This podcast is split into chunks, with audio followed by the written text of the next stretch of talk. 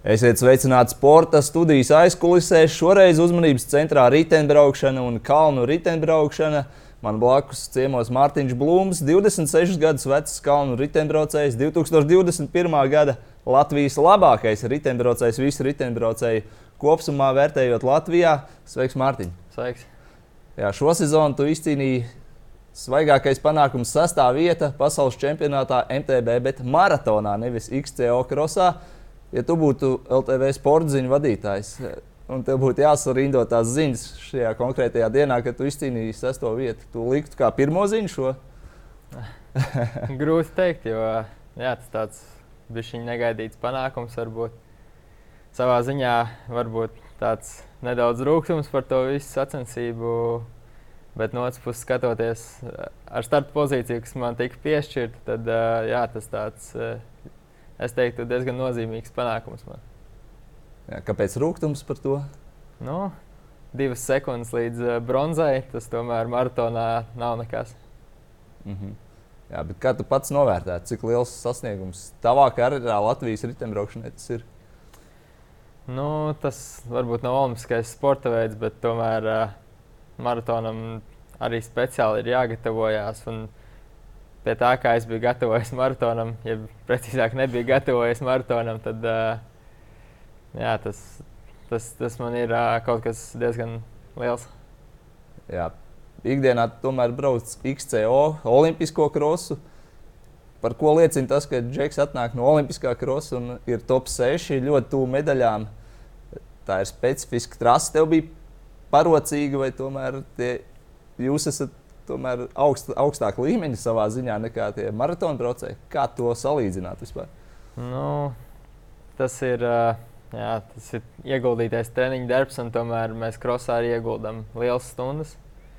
Arī citreiz treniņi ir 4-5 stundas, tā kā tas arī tāds maratona treniņš sanāk. Un pat cik mēs krosa braucējiem esam nedaudz eksplozīvāki, tad var teikt, ka šī trasa bija arī nedaudz parocīga krosa braucējiem. -hmm.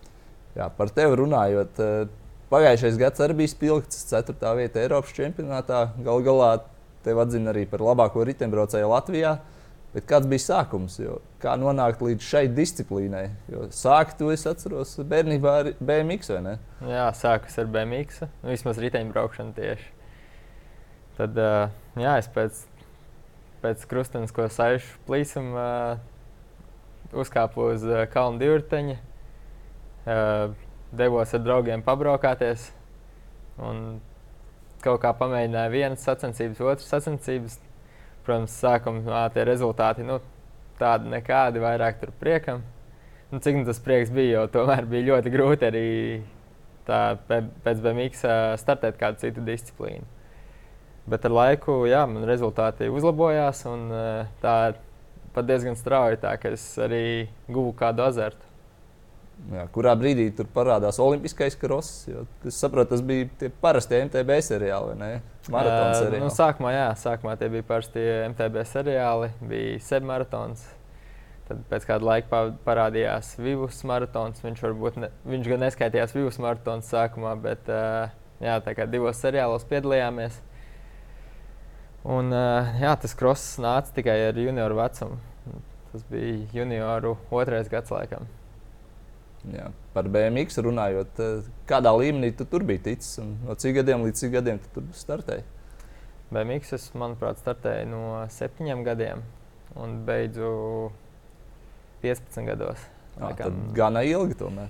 Jā, kāds laiks bija, bet uh, tie panākumi varbūt nebija tik spoži Eiropā, jo visas sacensības pārsvarā bija Latvijā un īsti Eiropas posms nebraucu. Tāpēc visu laiku bija tāds. Nu, tas varbūt nebija varbūt vairs tik liels azarts, bet vienkārši mans sporta veids kā tāds patika. Jā, tā bija tava bāze, tomēr, lai turpinātu. Kas ir tās labās lietas, ko tev tomēr ielikt? Jo šajā veidā tu esi ļoti labs. Tā eksplozitāte, starts, eh, kā tu pats raksturot. Kas tev nāk līdzi no BMX, ka tu šeit vari būt tik labs? BMX varbūt tieši, tieši tas ir tas eksplozīvais, kas man deva savu veidu guvumu priekš. Uh, olimpiskā krosa priekš, tagad varbūt arī maratonam. Bet, uh, jā, tā riteņa pārvaldīšana BMX ir, ir jāmāk to darīt. Un, uh, vienkārši tā, tā atšķirība ir uzkāpt uz citu riteņu, uz lielāku velosipēdu un darīt to pašu mežā. Mm. Bet tā pārējai bija saistīta ar to, ka tomēr šie lielais ritenis, garāki braucieni ir saudzīgāki pret veselību, vismaz nu, krusteniskajām saitēm. Jā, pat cik es neveicu krustenisko saišu operāciju, tad uh, man vajadzēja kaut kā stiprināt kājas vēl, un kas, kas gan varētu būt labāks par uh, kalnu divteņiem.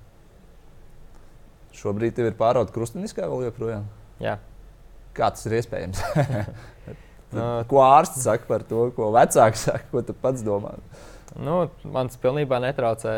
Un, manuprāt, kājas pietiekami stipras un uh, ķermenis kopā turās. Tā ka viss ir kārtībā. Tā, tā var būt tas būtu daudz sliktāk, ja tā būtu priekšējā krustenis. Kā, ah. Bet manā gadījumā tā ir aizmugurējā krustenis, kā bez kā es varu arī iztikt. Jā, bet, eh, tev ikdienā tas netraucē, vai tu vari skriet, piemēram, treniņu procesā, spēlēt sporta spēles, vai tas pilnībā netraucē? Nu, tas pilnībā netraucē. Nav bijušas vispār nekādas problēmas, jau ko, kopš es no tā atguvos. Mm -hmm. Jā, par XCO krosu runājot, eh, pieskāries krustenisko saišu plīsumam, eh, kā ir ar traumām šajā veidā. Tās tev nav, diemžēl, arī gājušas ar līkumu, vai ne? Nu, es domāju, ka tas nevienam īsti nav gājis ar līkumu, un arī man pareizai gadās kāda trauma. Tāpat arī jā, šo sezonu uh, salauza atslēgas kaulu. Tas bija o, ne, treš, tā trešajā gadījumā otrā reize tev jau? Jā, ir tā otrā reize. Jā, no, mēs tur salauzām salauz atslēgas kaulu un nācās izlaist divas, divas pasaules kaulas. Mm -hmm. XCO cross eh, daudz mūs arī audio formātā klausās, daudz arī skatās. Kā tu raksturot to vizualizēt cilvēkiem, kuriem nav redzējuši, kādas dabā izskatās? Eh, es no sevis varētu pateikt, ka gana ekstrēmi izskatās, bet kā tu raksturot, kas ir tie elementi un cik ekstrēms vai sarežģīts ir šis veids? Nu, tas ir tāds maratona Donhila apvienojums. Jo mums tomēr ir salīdzinoši daudz kalnu, jeb daudz kāpumu metri uz apli, kā arī sarežģīti nobraucieni. Varbūt viņi nav, protams, tādi kā Donhila riteņiem, bet mums riteņi vienkārši neatļauj to darīt. Uh, tik jaudīgs nobrauciens kā tie Donhilā, tāpēc mums viņi varbūt ir nedaudz vieglāki, taču tepat laikā es domāju, tas tikpat smagi kā Donhilā, tikai mums tie riteņi nav varbūt tik, eh, tik ļoti neamortizē visu, visus nelīdzenumus, akmeņus un vispārējo. Pastāst par niansēm nedaudz. Cik garas ir trases, eh, cik stāvi ir nobraucieni? Nu, par nobraucienu stāvu man grūti pateikt, cik viņi stāv, bet nu, var pārkst arī pārstūrē. Ja, ja pareizi nebrauc lejā un uh, trases garums Nav tāds konkrēts noteikts, bet ir no 4 līdz 4,4 km. Laikam. Un tie ir no 3,8 līdz 4,4. Cik apli? Uh, tas tiek pielāgots pēc apļu laika. Ir uh, trīs grupas, kas pirms mums startē. Tie ir U23 vīrieši, sievietes un uh, sieviešu elite. Mm -hmm. Un pēc tam grupām tiek uh, paņemts laiks, daudz maz kāds ir apļu laiks, un tad tiek pielāgots, lai nepārsniegtu pusotru stundu. Mm -hmm. Kāds ir ātrums, maksimālais, vidējais apmēram? maksimālais, nu, jā, cik ātrs nobrauciens, kurā trasē. Bet tā vidējais, eh, es teiktu, ap kādiem 20 km/h. Pietiekami daudz šādam veidam, nu, jā, citreiz sarežģīta trase, un tāpat vidējais ātrums diezgan liels. Bet no otras puses, tas ir tāds vidējais ātrums, kur varbūt nemaz grupās vienmēr nevajag braukt. Jo nedarbojas uh, vēja pretestības likums. jā, tas ir cits stāsts, vai ne? Tas ir cits stāsts. Jā. Mm -hmm. Vispār par XCO krosu, latviešu, jau teiksim, olimpiskais kalnu riteņbraukšanas kross. Kā tas ieguva popularitāti? Mēs Latvijā bijām vairāk pieraduši pie tiem sēbu vīvus maratoniem, kas ir tomēr maratoni. Šis ir kross, eh, vai tas ir saistīts ar to, ka tiešām olimpiskais svars, olimpiskais status ir šim veidam? Nu, es domāju, noteikti tas ir olimpiskais status. Un, tās sacensības ir daudz skatāmākas, jo maratonā vienreiz braucēji pabrauc garām, varbūt maksimums divreiz pabrauc garām. Tā olimpiskajā krosā cilvēki cilvēkiem ir iespēja viņu skatīties klātienē un redzēt vairākas reizes braucējas trasē, redzēt vairāk cīņas, uh, ir iespējas arī televīzijai uh, parādīt tiešraidi. Tas ir jā, savā ziņā populārāks par maratonu. Var teikt, savā veidā tādas īsākas, ekstrēmākas sacensības.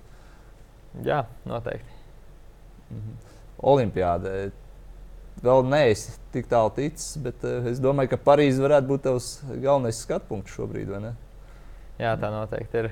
Un, uh, nākošais gads ir tieši pasaules čempionāts, no kura ir atkarīgas uh, divas kvotas.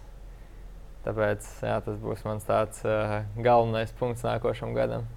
Jā, cik sarežģīti tev kā latvietim vispār ir kvalificēties? Jo es saprotu, tas lielā masa, lielākā daļa braucēju tomēr kvalificējās no ranga vai ne? No nāciju ranga. Cik, cik sarežģīti tev vienam latvietim ir vispār mērķēt uz olimpiādu? Nu, sarežģīti noteikti tas, ka tās tikai vienas sacensības, kurās ir iespēja iegūt vietu. Jā, kā, kā nācijai tas, uh, diemžēl, Latvijai nav iespējams. Vismaz izskatās, ka tas nav iespējams. Lai gan šobrīd esmu, esam tuvu vietai, lai, lai izcīnītu vienu vietu, taču jā, vēl sezona ir priekšā savas sacensības, kurās citas nācijas sūta uh, komandas, jeb uh, kaut kādus sastāvus, kuri salasta vajadzīgos punktus. Mm -hmm. Kāda ir atšķirība, piemēram, tev no kādas lielākas valsts, Nīderlanda, Šveice? Cik braucēji viņiem ienes punktus un cik sarežģīti tev vienam pašam kaut ko vismaz likt pretī? Nu, ja es pareizi saprotu, tad uh, ir trīs braucēji, kas nes punktus, vai pat četri. Jā, un tad vienam, vienam pret trīs, četriem braucējiem tur iespējas principā nav. Jā, jā. Kāpēc Latvijā nav citu braucēju?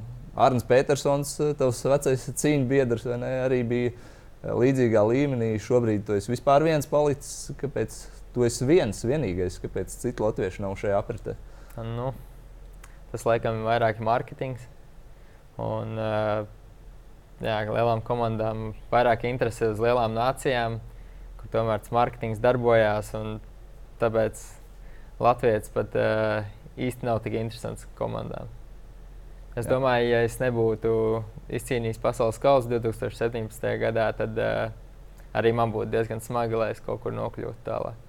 Jā, tas bija atslēgas punkts. 2017. gads, U23 pasaules kausa kopvērtējums. Jā cik tas nāca sarežģīti. Jā. Kā tu salīdzinātu konkurenci? Nu, pieaugušie U23 vai tas U23 tomēr bija ir cerības arī tādam latvietim eh, par pacīnīties par kaut ko augstu. Nu, tajā laikā U23 varbūt līmenis nebija tik ļoti augsts. Lai gan vispār disciplināts līmenis nebija tik augsts, bija daži braucēji, kas vienmēr uzvarēja ar atrāvienu. Piemēram, Elites grupā tur bija 2-3 minūšu atrāviens. Tad tagad tās divas, trīs minūtes jau ir uh, top 20. Jau, uh, nu, 20. vietā atpaliek no līdera mm -hmm. to laiku. Jā, sacensības tādā ziņā kļuvušas daudz blīvākas. Un 17. gadā, kad, kad braucu U23, tad bija tā, ja nebija mana diena, tad varēja arī finišēt uh, pieciniekā. Hmm. Ja bija laba diena, tad, jā, tad uzvar.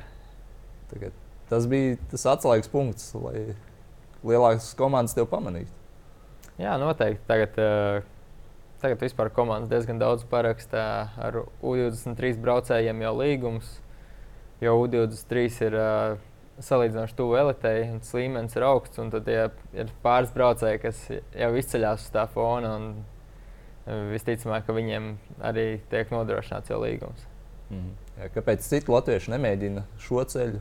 Kā tu raksturot? Jo, nu, kalnu riteņbraukšana Latvijā pietiekami populāra. Tajos pašos Sebvīvus maratonos ļoti daudz piedalās. Noteikti daudz arī trenējās jaunieši. Kāpēc tajā olimpiskajā virzienā neviens neiet XCO krosa virzienā? Nu, noteikti tas ir budžets. Šobrīd mūsu nodokļu sistēma, kur uh, nedaudz ietekmē sponsorēšana, nevis nedaudz, bet nu, diezgan daudz. Mm -hmm. Un tomēr tas budžets ir nepieciešams diezgan liels, lai aizbrauktu uz kādām starptautiskām sacensībām. Un nekad jau nebūs tā, ka braucēji aizbrauks pasaules kausa un viss notiks.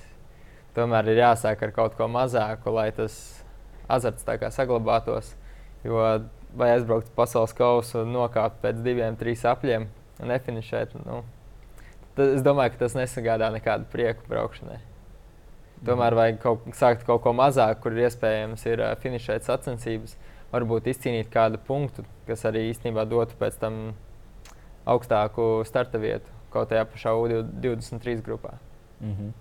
Labi, lai mazliet saprastu to jūsu specifiku un virtuvi, paņemam piemēru. Lai Toms neapvainojās, bet eh, paņemam piemēram Toms Kujiņu, kurš ir ļoti labi šobrīd brauc. un Praktiski viens no vadošajiem Latvijas braucējiem šosejā. Ja mēs pieņemam, ka Toms ir jaudīgāks, ātrāks par visiem XCO braucējiem. Grūti salīdzināt, bet pieņēmuma formātā. Ja mēs paņemam, ka viens tāds ļoti spēcīgs eh, vīrs no šosejas atbrauc, ieliekot viņu XCO mačos. Vai viņš varētu par pirmo desmitnieku par uzvaru cīnīties? Kā tu domā? Nē, es domāju, ka noteikti nē. Kāpēc? Tā ir jā, tas, tas eksplozīvais darbs, par ko mēs, ko mēs jau pieminējām. Un, jā, tu vari būt cik spēcīgs. Vari būt, bet, eh, ja tu nevari tikt pa kalnu lejā vai vajadzīgā ātrumā, ja nevar atpūsties vajadzīgās vietās, tad eh, jā, tas rezultāts nebūs nekāds. Tā kā arī pasaules labākais no šosejas atnākot, viņam būtu grūti. Nu, mums, mums piemērs uh, Pitkoks, kas ir Jā. brits. Viņš tomēr parādījis, ka var no aizmugures startēt arī uzvarēt. Uh, lai gan viņam nemaz tik viegli arī neklājās šajā disciplīnā. Mhm. Tomēr viņš ir. Viņam varbūt tā bāze vairāk ir nevis šosē, bet viņš ir braucis cyclocross. Ah, tas ir līdzīgāk. jā. Jā, kas ir it kā šosēnieks un starp šoseju un mountainbikiem nedaudz. Tā kā viņam tā eksplozivitāte ir, viņš ir eh, ļoti viegls un tehn tehnika viņam ir laba. Tā, ka, tāpēc, tāpēc ir rezultāts arī beigās. Mhm. Par specifiku nedaudz parunājot, eh, cik jūsu disciplīnā ir svarīga šī starta vieta. Jo startējot no aizmugures, es pieļauju, ir pietiekami sarežģīti vispār cīnīties par eh, augst, augstākajām vietām. Pastāst, cik daudz izšķir tiešām tas, kur tu atrodies startā. Nu, varbūt tā kā starta aplī pirmā no pēdējām vietām starpība jau ir divas minūtes. Un uh, ir, ir takas, kur jā, mēs sākam kā astoņi braucēji startu. Un, uh, Astoņi vienā līnijā. Ja? jā, un kādā Mhm. brīdī tas aiziet uh, taciņā, kur var iebraukt tikai pa vienam braucējam. un Tad uh, ir visādi sastrēgumi, tiek zaudēts daudz laiks. Un tā iespēja kaut kur tikt uz priekšu, lai arī cik spēcīgs esi, ir ļoti maza. Jā, bet kā var tikt uz priekšu, ja tu sākumā noteikti esi vienā no pēdējām pozīcijām? Kāda ir tā cīņa, lai virzītos vispār uz, Nu, kādu no pirmajām? Tur, tur vajadzētu jau nedaudz iepriekš piestrādāt. Ja braucējs labs, tad uh, vajadzētu startēt kādas mazākas sacensības, kurās var savākt punktus, var uzlabot pasaules rangu, un tas arī dos labāku starta vietu pasaules kausā. Jo tā no pasaules kausa vienkārši uzlabot vietas, uzlabot var, bet vai finišēt 120. vai 80. Nu, tā, tā starpība tur nekāda. Kāds bija tavs punk, ceļš? punkti netiek iegūti, mm -hmm. un jā, tas, tas rangs neuzlabojās. Jā, kāds bija tavs ceļš? Kā lauzt šo ceļu pa starta grupām, lai, lai vismaz būtu cerība arī cīnīties par uzvaru? Nu, tās ir noteikti papildus sacensības, kādas augstākās kategorijas, pirmās kategorijas, otrās, kur tos punktus var iegūt. Tās vairāk tās sacensības notiek pavasarī un rudenī, kurās iespēja tos punktus sakrāt. Tāpēc arī es tā kā vēl sezonā tomēr devos un arī tagad došos uh, uz sacensībām, lai Mhm. savāktu kādus papildus punktus, uh, kas man dos labāku starta rindu. Mhm. Jo mūsu sacensības sākās vispār ir uh, short race, kas ir uh, papildus disciplīna jau no 18. gada, kurā tiek sadalīts uh, pirmās trīs starta rindas. Un tas arī svarīgi jau short race nonākt kādu rindu uz priekšu. Lai gan tur tikai 40 braucēji, bet tās sacensības ir 20 minūtes. Tā kā arī, arī no tā 40. vēl uzlabot pozīcijas ir diezgan svarīgi. Jā, Pastāst mazliet par short race. Kā tas atšķirās no, no pamatsacensībām? Tā ir Ā, mazāka trasa, īsāka. Trasa ir īsāka, jā. Tā kā savu veidu kvalifikācija īsākā trasē. Tā Jā. var teikt. Uh, šogad arī tika ieviests kā, jā, pasaules kausa kopvērtējums shortreisam. Tā kā bija divi atsevišķi pasaules kausi. Mm -hmm. Un uh, shortreis arī dod punktus uh, priekš pasaules kausa kopvērtējumu. Tā ka tas bija līderiem svarīgi, lai cīnītos par kopvērtējumu. Jā, tas shortreis, ar ko viņš atšķirās, tas, ka viņš mm. ir ļoti īss. Ir kilometrs, varbūt nu, 1,2 km. Nu, pārsvarā tās, tas aplis ir tāds uz 2 minūtēm, 2 minūtēm 20. Un vidēji kāda desmit apļi ir. Tā. It kā tiek uh, laiks noteikts pēc pirmā apļa, taču nu, tas tā ap, aptuveni uz desmit apļiem parasti sacensības. Jā, bet startē viss kopā. Startē viss kopā. Mhm. Par sevi runājot, ja tu esi 40. starta pozīcijā piemēram, kādu mērķi sev var uzlikt vispār sacensībās, kādu mērķi lietas tādā situācijā? Nu, tas ir vienkārši sekot grupai, skatīties vietas, kur uh, ir iespēja apdzīt. Jo šortreisā ir iespēja dažās trasēs arī diezgan labi uzlabot pozīcijas. Tām trasēm tomēr arī katrai savu specifiku. Kad ir trases, kur ja 40 nav variantu, bet ir, kur var arī uzvarēt no 40 pozīcijas. Mhm. Un lielajā sacīkstē no 40 starta vietas. Nu, tas ir top 20 ir maksimums, vai nē, cik tālu tu vari aizcīnīties? Nē, aizcīnīties droši vien var arī līdz desmitniekam, un var arī līdz priekšā aizcīnīties. Taču jā, tas ir cik labs tu esi, cik spēcīgs tajā dienā. Mhm. Bet šajā sporta veidā tomēr ir tas stāsts, ka tas rangs ir jāceļ, lai par kaut ko cīnītos. Jā, noteikti. Tas, tas ir gada darbs, vai ne?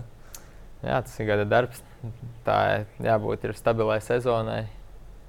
Un tur arī beigās parādās tie 40 braucēji, kas ir stabilākie sezonā. Tad viņiem arī iespēja kvalificēties pasaules kausam, sadalīt starta rindas. Mm -hmm. Jā, par šo sezonu runājot, eh, tu jau minēji, atslēgas kaula lūzums. Eh, tas bija tāds lūzuma brīdis arī sezonai. Kā tu pēc tam spēji atgūties vispār? Kāda bija sezona līdz tam un pēc tam? Nu, līdz tam sezonam man varbūt nebija tāda, tāda īpaši spoža. Taču es biju ieguldījis diezgan lielu darbu. Es biju bijis augstkalnē jau. Tā kā tās nākamās nedēļas, kas sekoja, viņām vajadzēja būt ļoti labām. Arī šortreis pirms kritiena nobraucu vēl labi, izcīnīju otro starta, starta rindu, kas likās ļoti cerīgi priekš svētdienas, uh, augsta rezultāta. Un tad, jā, sestdienas treniņā krita. Uzreiz sapratu, ka atslēgas kausa salauzts un jā, devos mājās. -hmm. Jā, bet eh, cik lielā mērā palīdzēja tas, ka tā bija otrā reize šādai traumai? Zināja, ar ko rēķināties. nu, palīdzēt, tas noteikti neko nepalīdzēja. bet eh, jā, šoreiz varbūt nebija tik sarežģīts lūzums. Viņu varēja veiksmīgi saskrūvēt, ielikt plāksni, lai ātrāk var sākt trenēties. Un, jā, pēc nedēļas viņš vairāk bija jau atpakaļ uz riteņa. Jā. Kāda bija atgriešanās pēc tam? Cik, cik grūti iet atkal apritē? Nu, sākumā likās, ka ir diezgan ok, un viss vis, vis būs tāds salīdzinoši īsts periods. Taču jā, tā operācija tomēr paņem savu laiku. Tā atjaunošanās nav tik laba, varbūt. It kā treniņi ir, bet viņi nav Viņi salīdzinoši grūti nāk, nav īsti mm. pilnvērtīgi. Un tad bija tā, ka pieņēma lēmumu nestartēt nākošajā pasaules kausā, lai gan varēja it kā mēģināt. Taču es, es arī sapratu, ka forma man nav tajā brīdī pēc operācijas. Nav jēgas, ja. Paņēmu drošības pēc izlaidu pasaules kausu. Un, jā, pasaules kausam sekoja trīs nedēļu augstkalns nometne, kurā, kuru iesāku diezgan smagi jūtu, ka jā, tomēr ķermenis nav, nav, nav tādā formā, lai labi trenētos. Un, jā, trīs nedēļas man ļoti daudz ko mainīja un salīdzinoši ātri tiku atpakaļ. Jā, sezonas izskan ļoti veiksmīgi. Tomēr. Jā, man jau sanāca diezgan veiksmīgi, veiksmīgas pirmās sacensības pēc mhm. lūzuma. Mm. Iekļūšana 30. tas jau bija kaut kas ļoti labs pēc operācijas. Un, jā, tagad otrajā daļā tikai rezultāti gāja uz augšu. Mm -hmm. Pasaules čempionāts, 11. vieta. Nu, Latvijas augstākais sasniegums, protams, kāds ir bijis, kā tu pats vērtēji. Tas tiešām ir super, vai tu varbūt cerēji, varbūt arī pirmo desmitnieku sasniegt? Nu, jā, tas, tas desmitnieks, protams, būtu patīkami, bet arī 11. vieta ir augsta vieta krosā. Un, jā, es nezinu, tā diena, tā, tā diena man bija, lai gan jā, tā nedēļas nogalē man bija tāda augšu plejup nedaudz, taču sacensībām viss bija kā vajag vienmēr. Tāpēc jā, man pašam prieks gan, gan par piekdienas startu, gan par svētdienas startu. Un no savas puses, jā, es izdarīju visu, ko es varēju. Mhm. Un, jā, esmu ļoti apmierināts ar rezultātu. Jā, tu saki, laba diena. Kam jābūt, lai tā būtu laba diena? Nu, no rīta pareizās brokastis, pareizā putriņā jāpēd, vai kam jānotiek? Ir nu, recepte. Jā, visam jānotiek daudz maz bez stresa. Tā kā visam jānotiek, kā tu to vēlēsies. Un, jā, es no rīta, nezinu, man bija tā interesanta svētdienā, es vienkārši pamodos. Jutos ļoti labi, izbraucu no rīta treniņu, sapratu, ir, ir jābūt labai dienai. Un, jā, to sā, sākumu gan sacensību neiesāku varbūt tik ļoti labi. Es sapratu, ka sacensības būs garas un ļoti smaga trasa. Bet jā, tas, tas viss, ko es varbūt sākumā mazliet sataupīju, deva man pēc tam iespēju ļoti strauji pakāpties. Man liekas, ka es dabūju no tās dienas savu maksimumu. Mm -hmm. Jā, apsveicam ar to, bet tu pieminēji stresu kā ar to cīnīties, kā, kādas ir tavas metodes. Tas ļoti traucē noteikti. Nu, ir tā, ka jābūt visam sagatavotam. Nevar būt tā, ka pēdējā brīdī kaut kas jādara. Ja viss ir izdarīts līdz tam, tad ir jākāp uz riteņa un tikai jābrauc. Tā kā, ja kāds no komponentiem izkrīt, tad var sākties jau stresaināk tā situācija palikt. Jā, tā, tas, tas tāds nevajadzīgais stresiņš ir. Protams, kaut kādam savam stresiņam nedaudz tādai Adrenalīnam. Jā, adrenalīnam varbūt ir jābūt. Izjūta starta nevar būt tā pilnībā atslābis. Bet, uh, jā, pasaules kausā tas uh, kaut kā bija. Es viņu kaut kā tomēr dabūju, un viņš bija tieši tik, cik vajag. jā, svarīgi to robežu nepārkāpt. Jā. jā. Viegli plēti pie mums daudzreiz ir ciemojušies, un viņi saka, ka viņiem tas psiholoģiskais sloks ir tomēr nenormāls, ka pienāk tas pasaules čempionāts nu, tā ir tā vieta, kur jāparāda tas rezultāts. Tad arī sezonu vērtēs pozitīvi, negatīvi. Būs finansējums nākamajam gadam vai nebūs. Tev ierodoties pasaules čempionātā, ir līdzīgi vai tomēr nē? Nu, tās sacensības tik ļoti neatšķirās no citām. nu, šogad jā, tas spiediens varbūt bija nedaudz lielāks, mm. jo man bija diezgan nesekmīgs Eiropas čempionāts, kur es pat nezinu, kas bija iemesls tam, ka es nevarēju labi nostartēt. Varbūt rasa, varbūt vienkārši nebija īsti mana diena. Uh, jā, un tad, tad atlika tikai viens čempionāts vairs. Un, jā, mm -hmm. Mēģināju izdarīt visu, ko es varēju. Jā. Kas to spiedienu uzliek? Sponsori, Olimpiskā vienība, pats sev? Nu, jā, Latvijā mums Olimpiskā vienība. Olimpiskā vienība vairāk skatās Eiropas un pasaules čempionātu, un tad pēc tam ir pasaules kausi. Tāpēc, jā, priekš Olimpiskās vienības bija svarīgi nostartēt labi kādā no čempionātiem. Bet uh, komandai tas ir vis, visas sacensības svarīgas. Pasaules kausa, pasaules čempionāts, Eiropas čempionāts. Tas un arī ir kādas mazākas sacensības. Jo tomēr tā katra uzvara komandai parādās sociālajos tīklos, un uh, jā, to, to redz mūsu sponsori. Ta, tas, tas viņiem tieši vajadzīgs. mm -hmm. Jā, par tevi mazliet runājot. Eh, kas tu esi, ja riteņbraukšana noliek malā? Saprotu, ka disku golfs ir viena no aizraušanās lietām tavā dzīvē. Ko vēl tu dari, ko tev patīk darīt, ja riteni noliec malā? Nu, parasti jau sanāk, ka riteni noliek malā, tad uh, sākas ziemā slēpošana. ir distanču slēpošana, kuras ļoti daudz pie kuras strādāju ziemā, kas man dod labu bāzi arī sezonai. Tad ir kādreiz kāds galda tenis tiek uzspēlēts ar draugiem varbūt novus uzspēlēju. Uh, jā, tā ir citreiz peldēšana, mm. trenižera zāle, viss kaut kas. Viss ar fiziskām aktivitātēm saistīts. nu, jā, pārsvarā. Jā, kāda grāmata varbūt? Uh, grāmatas, jā, sezonas laikā aiziet pāris grāmatas. Tāpat palasu.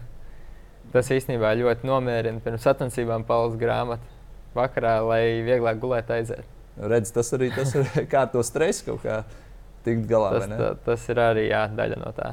Mhm. Mīļākā grāmata vai mīļākās, ko tu ieteiktu?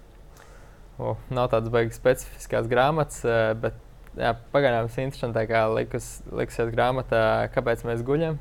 Mm.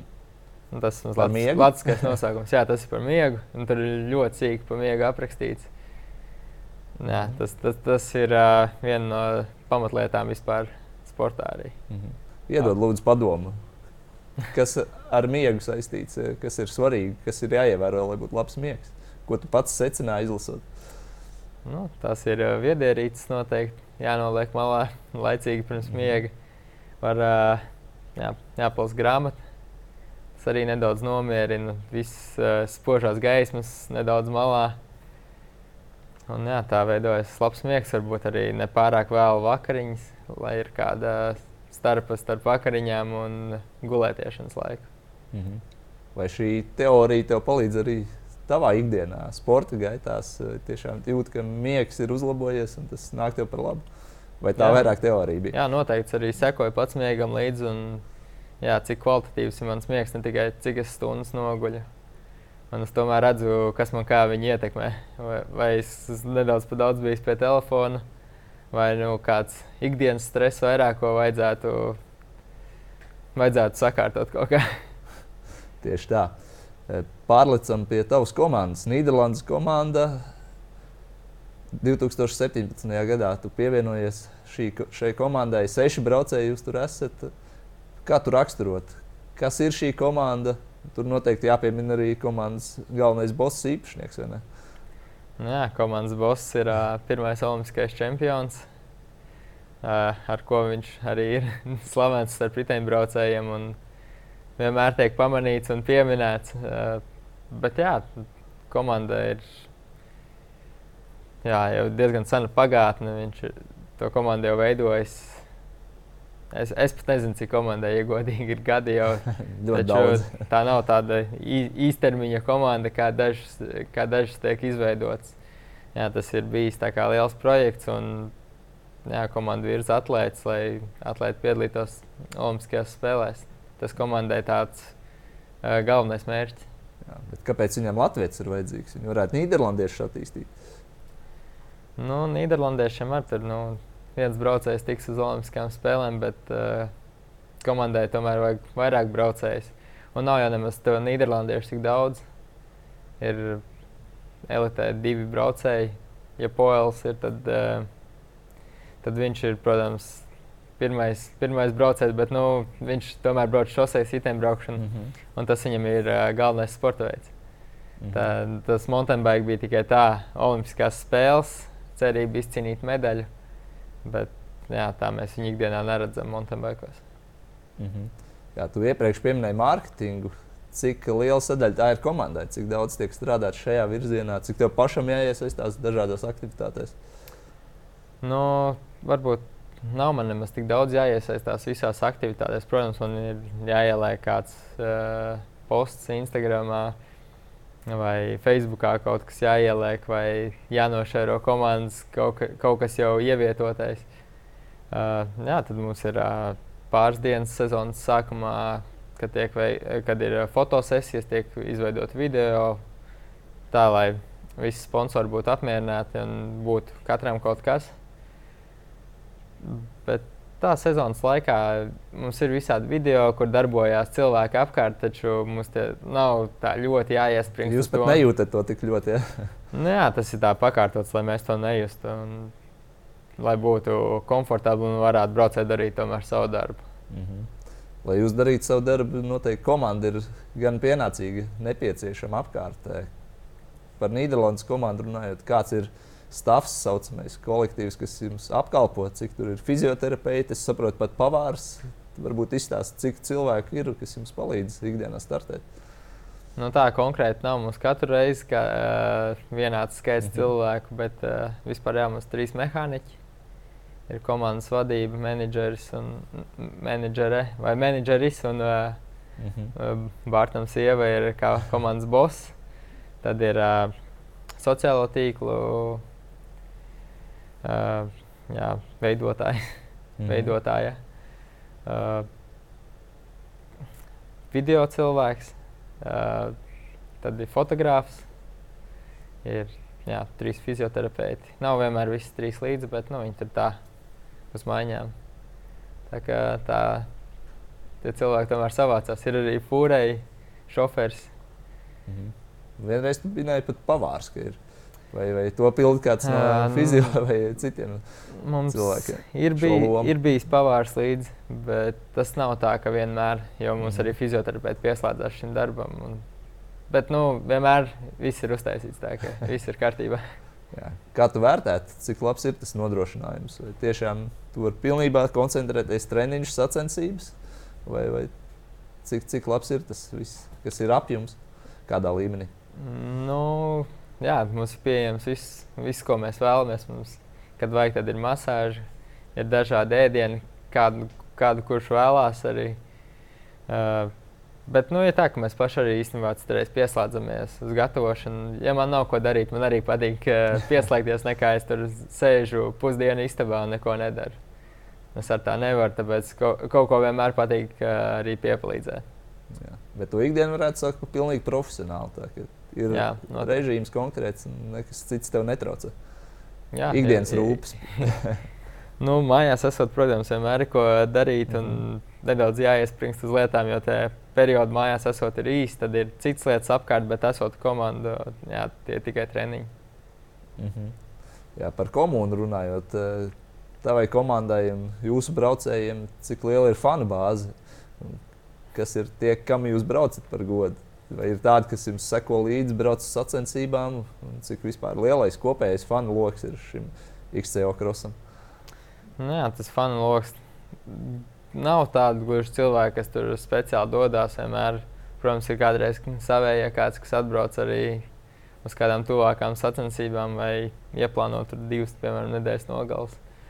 Uh, Bet jā, tie cilvēki, kā skatītāji, vienmēr ir katrā pasaules kausā. Tad vienkārši var just, ka tā publika ir nedaudz dažāda. Tomēr. jā. jā, tas jautājums ir salīdzinot ar šoseis riteņbraukšanu. Tur mēs redzam nu, pūļus. Vismaz lielajās stūrēs, arī ikdienas sacensībās. Tur tas cilvēku apjoms ir ļoti liels. Kā, kā tu salīdzinātu? Cik liels pūlis ir jums vismaz pasaules kausa lielajās sacensībās? Nu, ar šoseis stūrēm, protams, tur salīdzināti grūti. Un, jā, tas tas uh, cilvēku daudzums, kas seko sacensībām, nav varbūt tik liels. Bet uh, cross ir interesants ar to, ka ir interesanti tiešraidē sekot līdzi.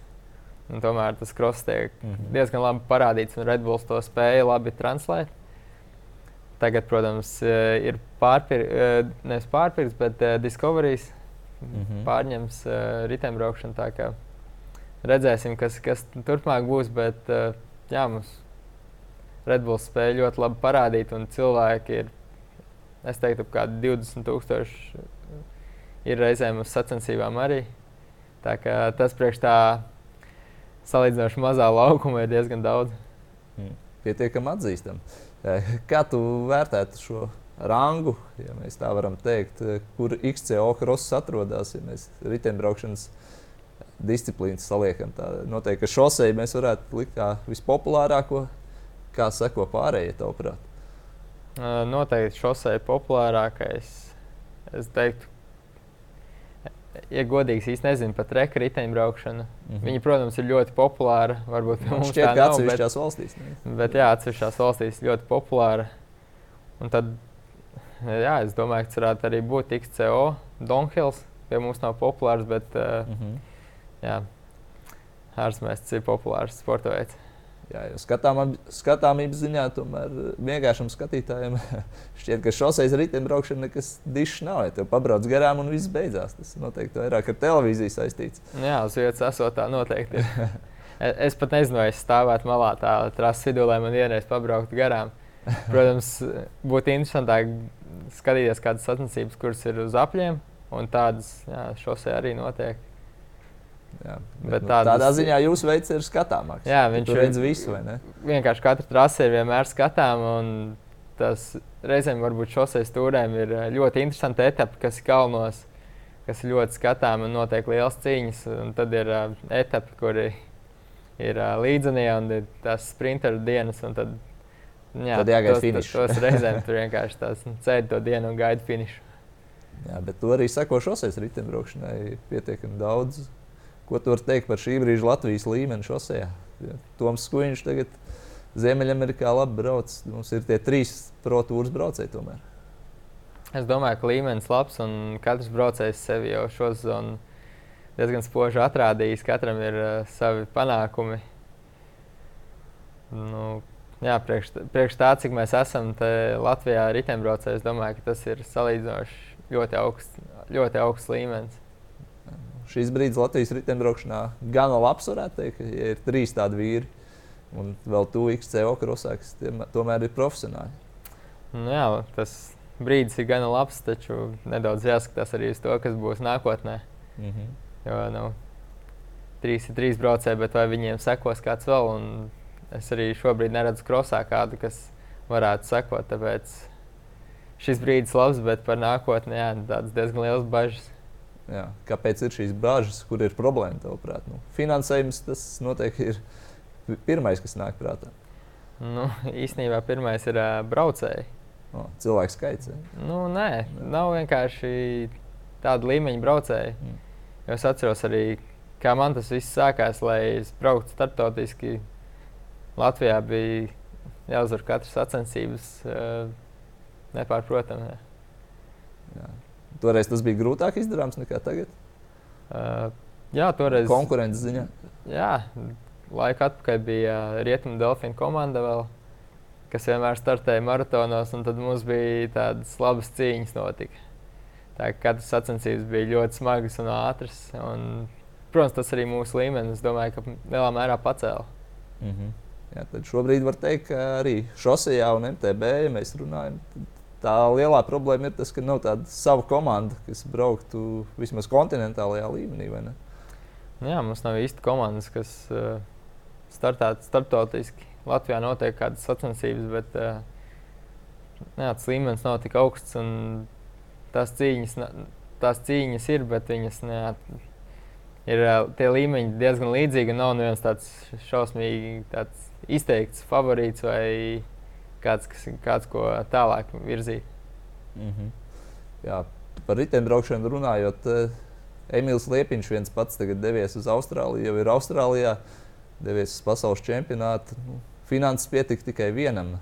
Kā tu vispār redzi riteņbraukšanā šajā līmenī, federācijas līmenī, cik liels ir problēmas? Un, vai arī tev ir iespēja viņiem atbalstīt vispār?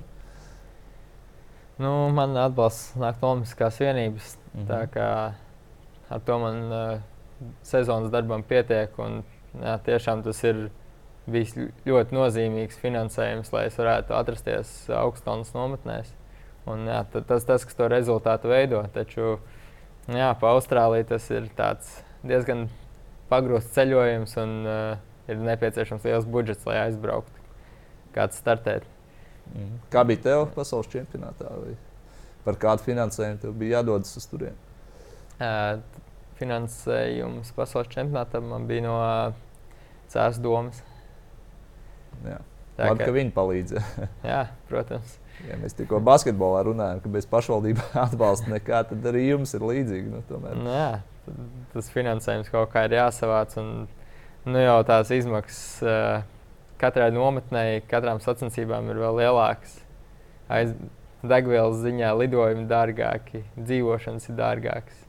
Mm -hmm. Un, jā, tas finansējums gluži lielāks nepaliek, tāpēc ir jāmēģina kaut ko papildus atrast.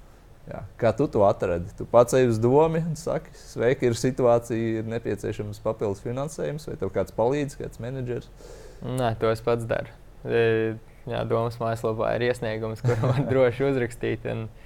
Tad jā, doma tā kā izlemj, cik, cik piešķirs un cik, cik tas ir, tik tas ir. Jā.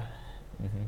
Cik daudz laika tas tev aizņem šādas lietas par finansējumu cīnīties? Skaidrs, ka Olimpiskā vienība ar to nepietiek. Tu ej pie sponsoriem, pie tās pašas domas rakstiesniegumus. Nu, gluži nē, nav tā, ka ej pie sponsoriem. -hmm. Tomēr komanda nodrošina pasaules kausu. Protams, labi, tās nav nometnes, tāpēc man nometnes sanāk no Olimpiskās vienības. Jā, tas, tas, tas budžets tiek sadalīts no katras vietas, kaut kas no komandas, no Olimpiskās vienības, no domas, tad jā, varu aizvadīt savu sezonu.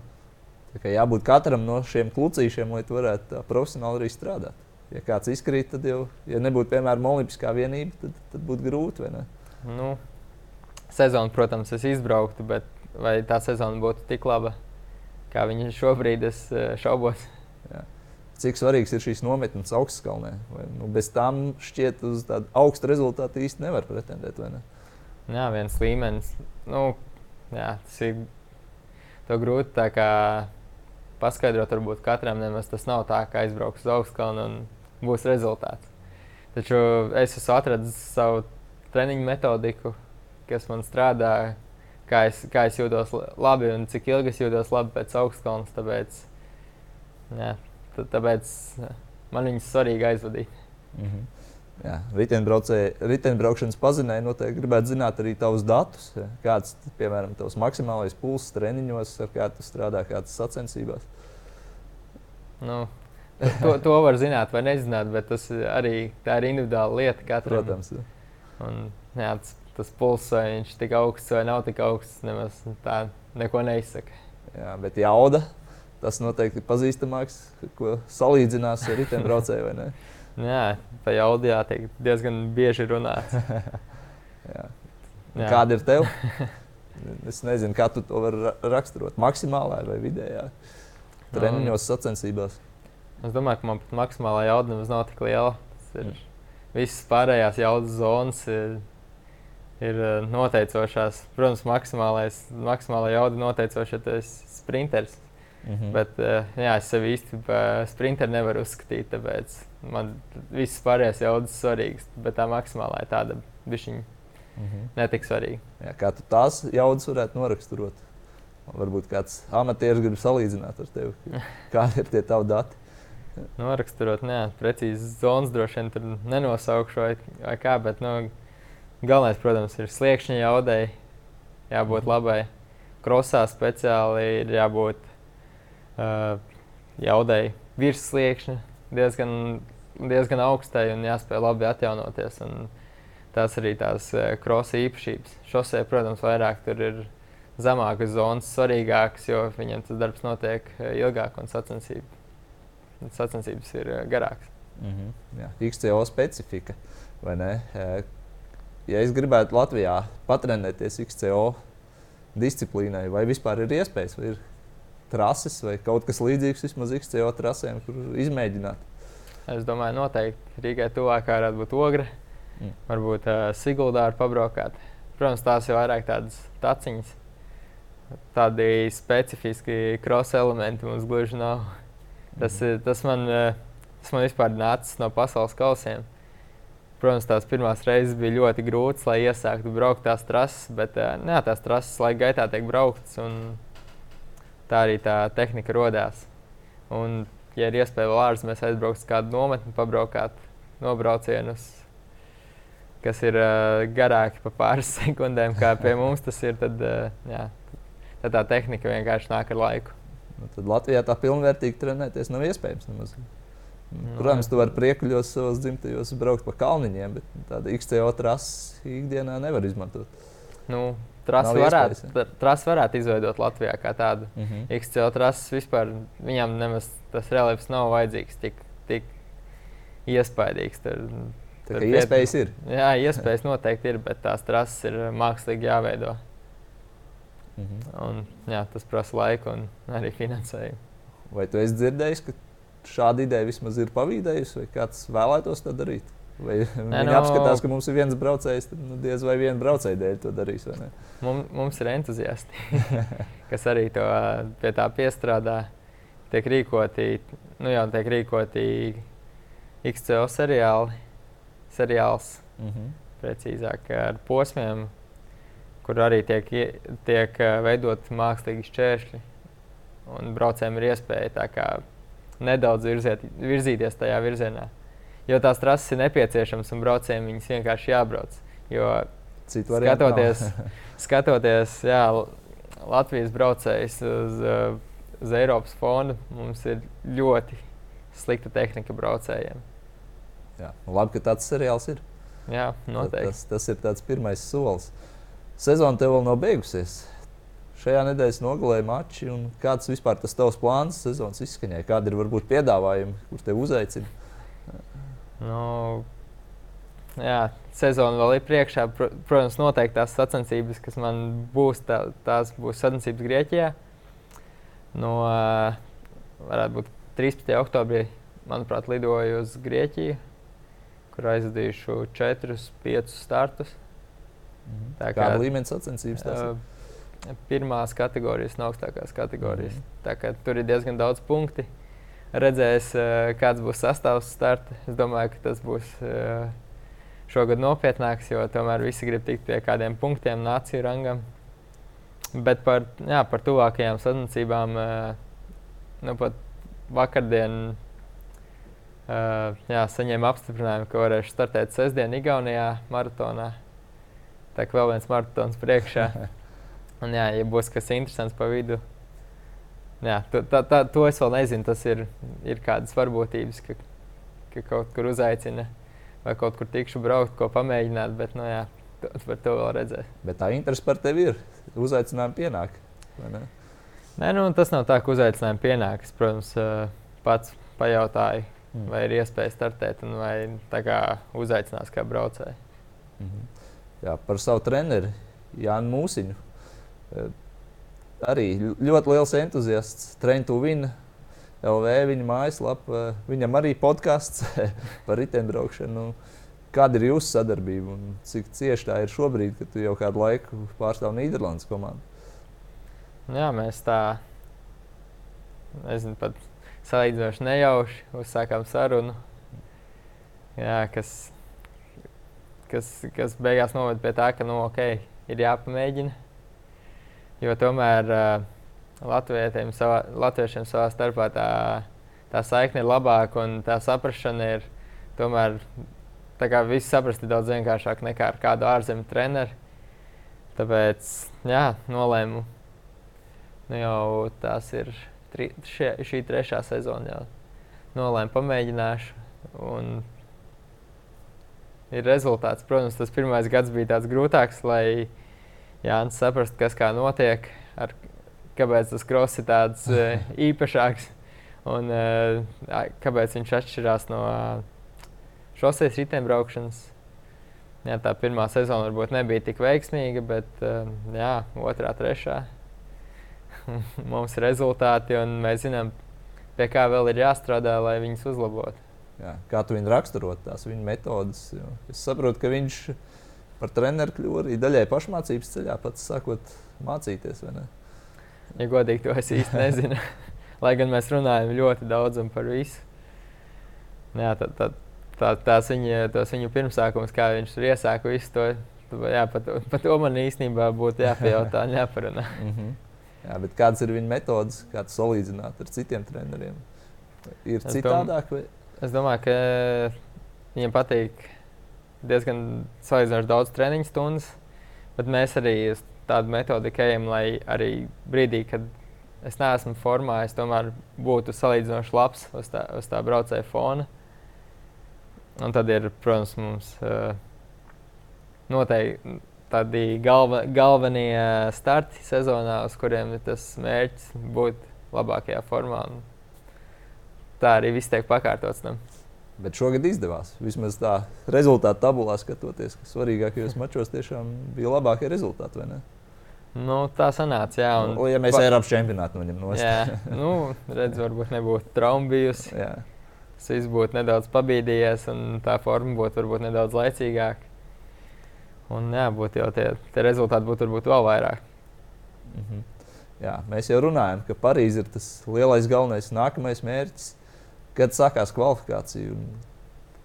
Kvalifikācija sākās no šī gada otrā pasaules kausa posma, kas, kas bija maijā.